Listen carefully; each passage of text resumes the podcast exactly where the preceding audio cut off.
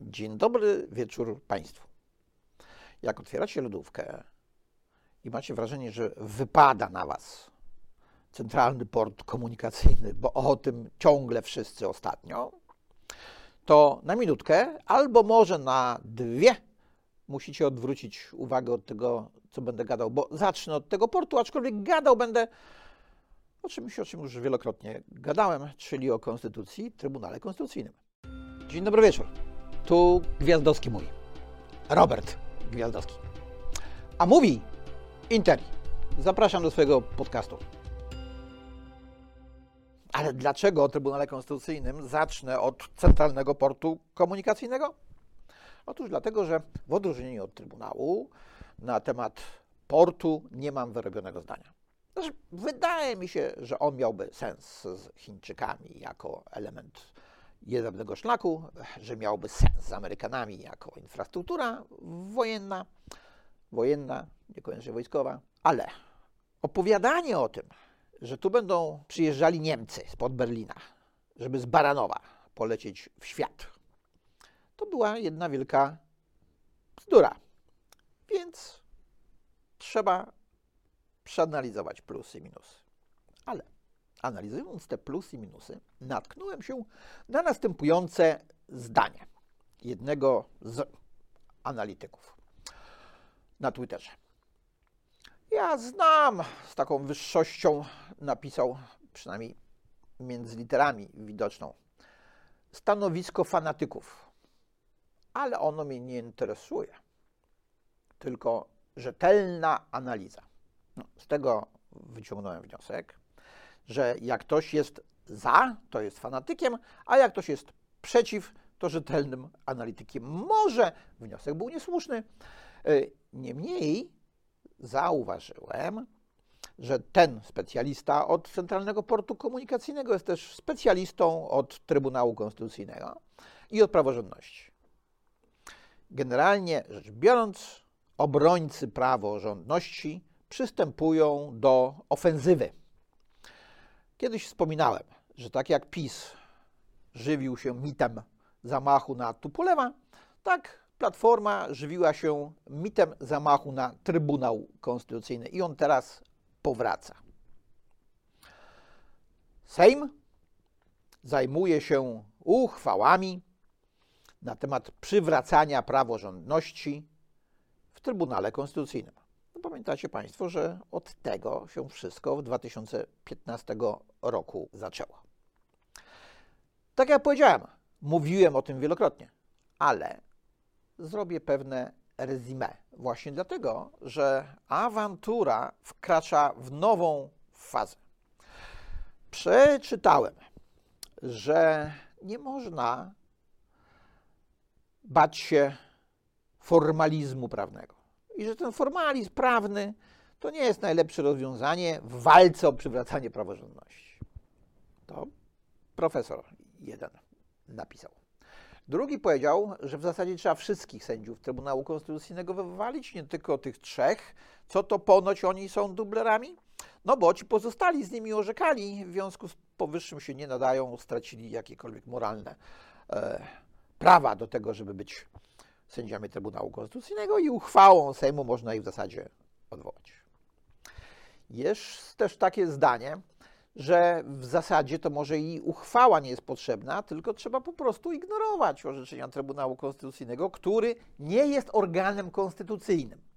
E, kto stwierdził, że nie jest organem konstytucyjnym? No, zwycięzcy.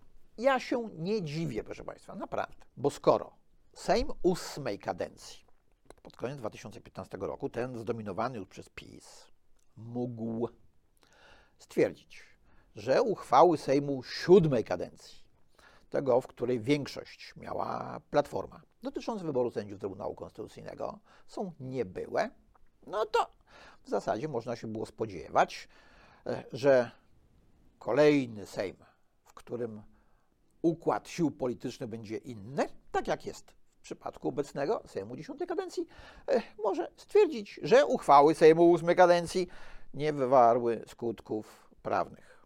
Jak się zaczyna tego typu gra, to ona się nigdy nie kończy. Aczkolwiek jedni drudzy uczestnicy tej gry mają nadzieję, że ona się skończy, ale na ich ruchu, że przeciwnicy nie będą mogli wykonać kolejnego. No, niestety tak się nie stało.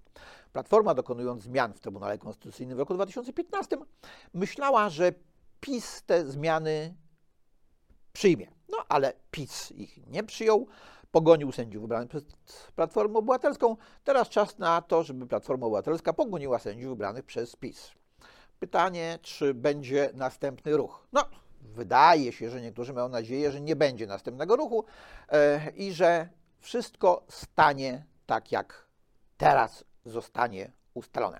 Jeden z profesorów powiedział, że nie można robić tutaj e, ustaw, bo przez Dudę. Duda przeszkadza przyjmowaniu ustaw. Przypomnę więc, że mamy taką konstytucję. Taką mamy konstytucję, w której z jednej strony jest system parlamentarno-gabinetowy, a z drugiej strony jest prezydent wybierany w wyborach powszechnych, czyli taki, który ma najsilniejszy mandat demokratyczny.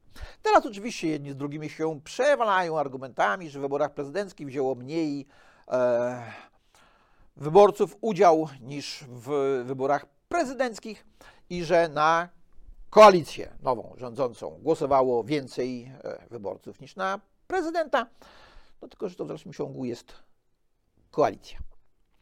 E, ale to jest pierwszy raz, bo dotąd bardzo często było tak, że ci, którzy wygrywali wybory parlamentarne, wcale nawet nie mieli większości głosów, tej bezwzględnej. Oni mieli większość mandatów, a to są dwie różne rzeczy.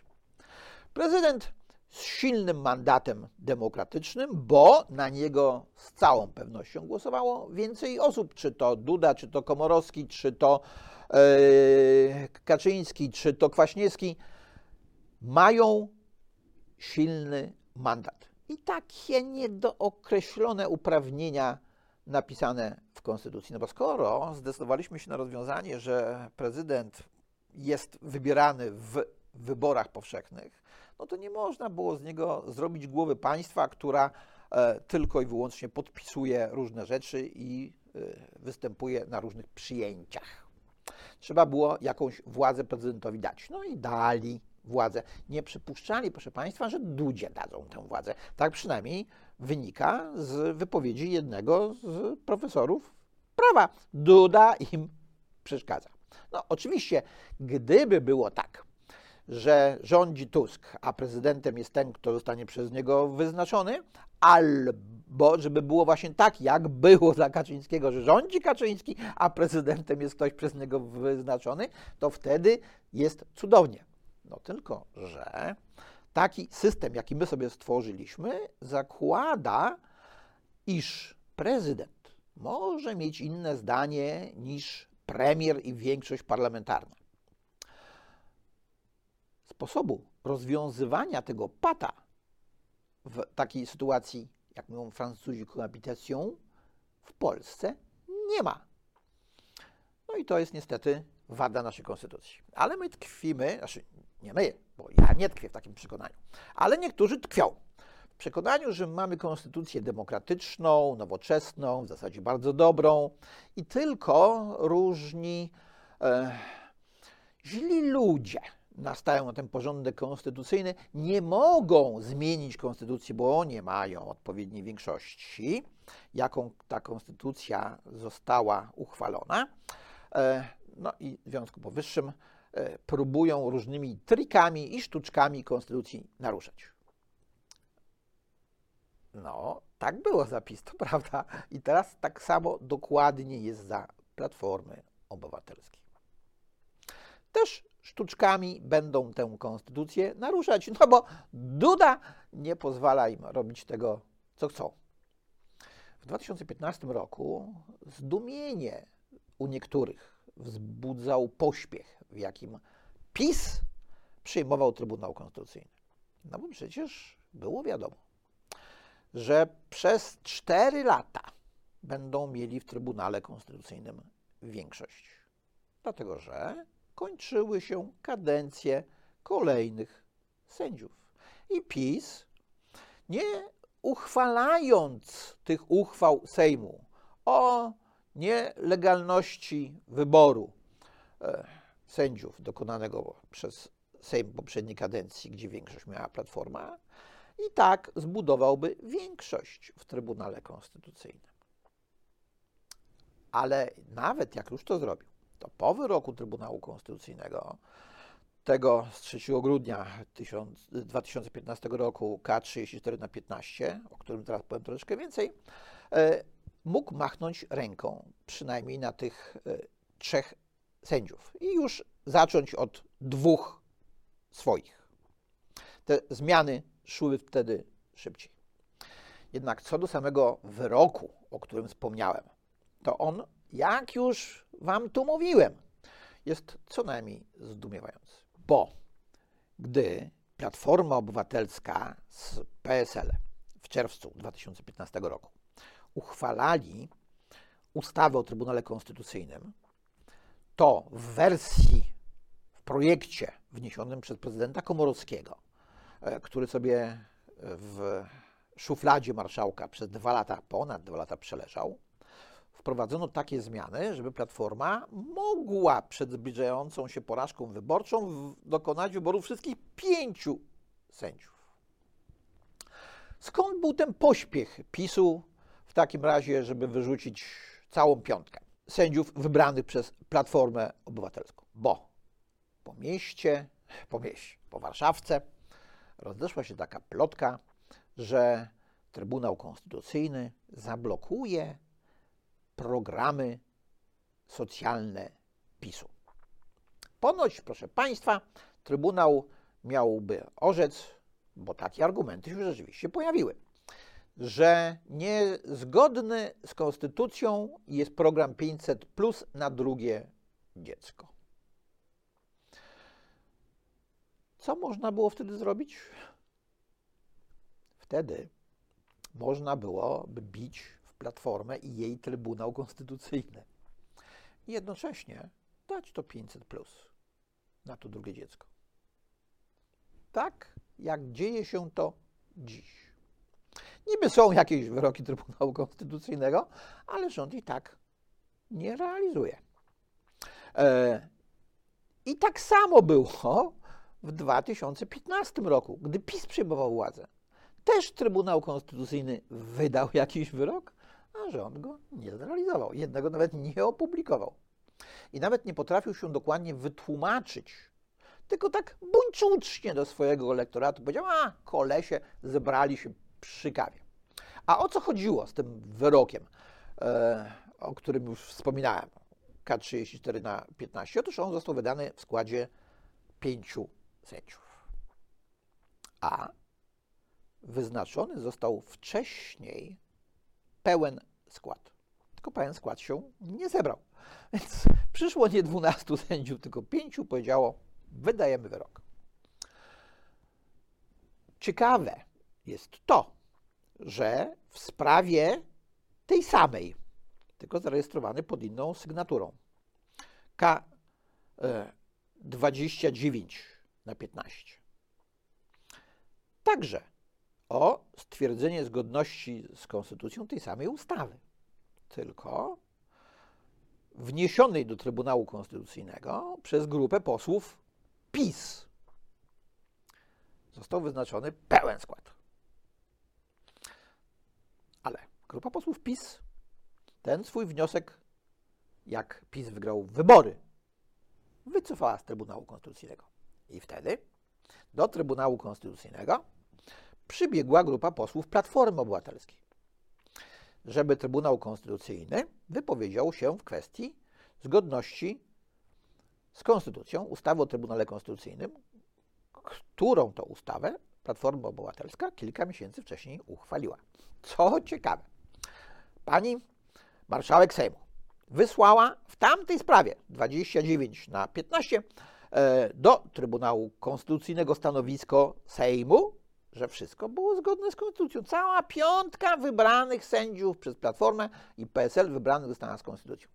A 10 dni później e, grupa posłów Platformy, e, nie ważąc na stanowisko Sejmu, bo stanowisko wysłane przez marszałka Sejmu jest stanowiskiem Sejmu, stwierdziła, że jednak nie tak.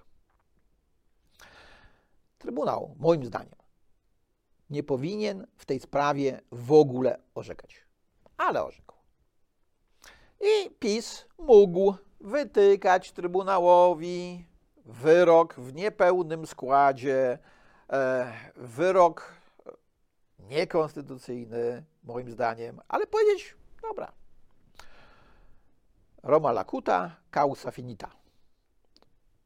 Jak to mówiono w Watykanie. Rzym, papież się wypowiedział, sprawa zakończona. I tak prawnicy mówią o wyrokach sądowych. Sąd wydał wyrok, w tym wypadku Trybunał Konstytucyjny. No trudno. Dlaczegoż się stało inaczej? No, ponoć właśnie z powodu tego 500. Ale to naprawdę można było zrobić inaczej. Można było powiedzieć narodowi: Ja wam dam.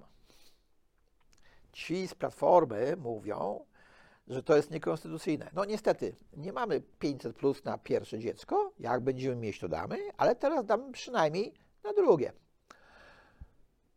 Jeżeli więc jesteśmy dziś w sytuacji takiej, że znowu spieramy się o Trybunał Konstytucyjny i znowu e, Sejm ma podejmować jakieś uchwały, to znaczy miał już podjąć 7 lutego, e, ale nie podjął 7 lutego, zobaczymy jak pójdzie mu następnym razem. Mam nadzieję, że być może ktoś posłucha, co tu mówię i się opamięta. No bo proszę Państwa, pod koniec tego roku wygasają kadencje sędziów powołanych przez PiS.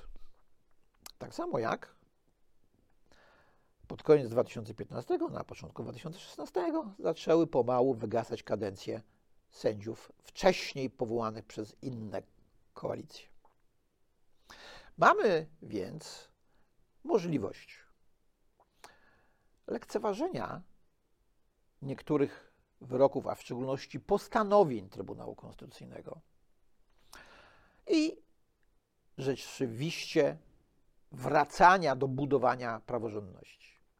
Wracania do budowania to jest takie, takie nie wiadomo co, no ale nie mogę powiedzieć przywracania praworządności, bo napisałem książkę o niepraworządności, w której postawiłem tezę, że nie można przywrócić czegoś, czego nigdy nie było, a praworządności tak naprawdę u nas nigdy nie było. Tylko, że z drugiej strony, tak jak rozumiałem w 2015 roku irytację PiSu działaniami Platformy, tak teraz rozumiem irytację Platformy działaniami PiSu, a już zwłaszcza niektórych sędziów Trybunału Konstytucyjnego.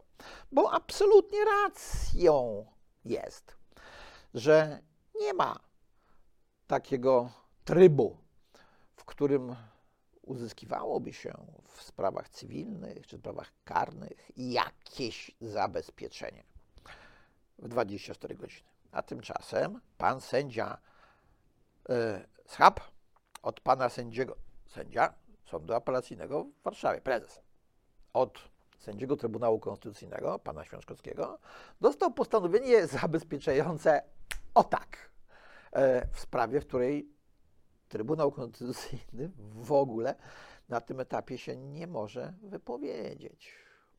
No ale, ale proszę Państwa, Trybunał Konstytucyjny w 2015 roku o swoim własnym składzie też się nie powinien był wypowiadać, bo wypowiadał się o stanowiskach sędziów Trybunału Konstytucyjnego. A teraz Książkowski wypowiedział się w kwestii stanowiska sędziego prezesa Sądu Apelacyjnego w Warszawie, dosyć kluczowego dla wymiaru sprawiedliwości. Czy jest szansa, żebyśmy my z tego jakoś wyszli? No, jest kilka e, propozycji, postulatów. No proszę zwrócić uwagę, że marszałek senior Marek Sawicki z PSL-u rzucił takim pomysłem, żeby zrobić coś na kształt okrągłego stołu i spróbować jakoś z tego wyjść. Konfederacja próbuje przedstawić jakiś projekt, który byłby projektem kompromisowym. Bo jak nie znajdziemy kompromisu, no to pozostaje nam tylko i wyłącznie siła. No, ja nie mówię o sile na ulicy, e, ale siłowe rozwiązania dotyczące pojedynczych przypadków. Tak jak to miało miejsce z Kamińskim i Wąsikiem. E, szczęście tych panów było takie, że mieli kolegę w Pałacu Prezydenckim. Jak się nie ma kolegi w Pałacu Prezydenckim, to sytuacja może być o wiele gorsza. Natomiast, gdy my nie wiemy, kto jest sędzią, gdy my nie wiemy, co jest wyrokiem, e, no to naprawdę ciężko działać. Już kiedyś powiedziałem, że jakbym wiedział, jak e, zdawałem maturę, co się będzie działo w polskim prawie za 45 lat, to pewnie poszedłbym do jakiegoś technikum budowlanego. Aczkolwiek, jak poszedłem na studia, to miałem taką nadzieję zatopić się w filozofii. No, ja zajmowałem się historią myśli politycznej, prawnej, filozoficznej, potem filozofii prawa oczywiście, potem ekonomicznej. Z dala od dogmatycznego prawa PRL-u. No, kończyłem studia w 1985 roku. Potem, jak nastała wolność, zwłaszcza gospodarcza, po wydaniu ustawy Wilczka, no to doszedłem do wniosku, że z tej historii myśli politycznej to ja nie wyżyję za bardzo, więc zająłem się prawem dogmatycznym, zwłaszcza podatkami. Tam też jest niepraworządność w tych podatkach, o czym też już wielokrotnie opowiadałem, ale nie przypuszczaliśmy wówczas naprawdę, że możemy znaleźć się w takiej sytuacji prawnej, w jakiej się w tej chwili znajdujemy. Nawoływanie w 1997 roku, żeby nie uchwalać tej naszej głupiej konstytucji, było wołaniem na puszczy. Teraz nawoływanie, żeby stworzyć jakiś kompromis konstytucyjny, też wydaje się wołaniem na puszczy. Ale może trzeba zastosować prawo Marfiego, to drugie prawo Marfiego. Ludzie postępują rozsądnie dopiero wówczas, gdy wszystkie inne możliwości zawiodą. Niestety, pierwsze prawo Marfiego, to jeszcze słynniejsze, temu przeszkadza. Pierwsze prawo Marfiego mówi, że jak coś może pójść źle, to na pewno pójdzie. My jesteśmy w takiej sytuacji, że może pójść źle, więc na pewno pójdzie. Ale z kolei zastosujmy może jeszcze jedną zasadę. Im gorzej, tym lepiej. Im większy bałagan robi popis, tym większa szansa, że w pewnym momencie już gorzej być nie będzie mogło.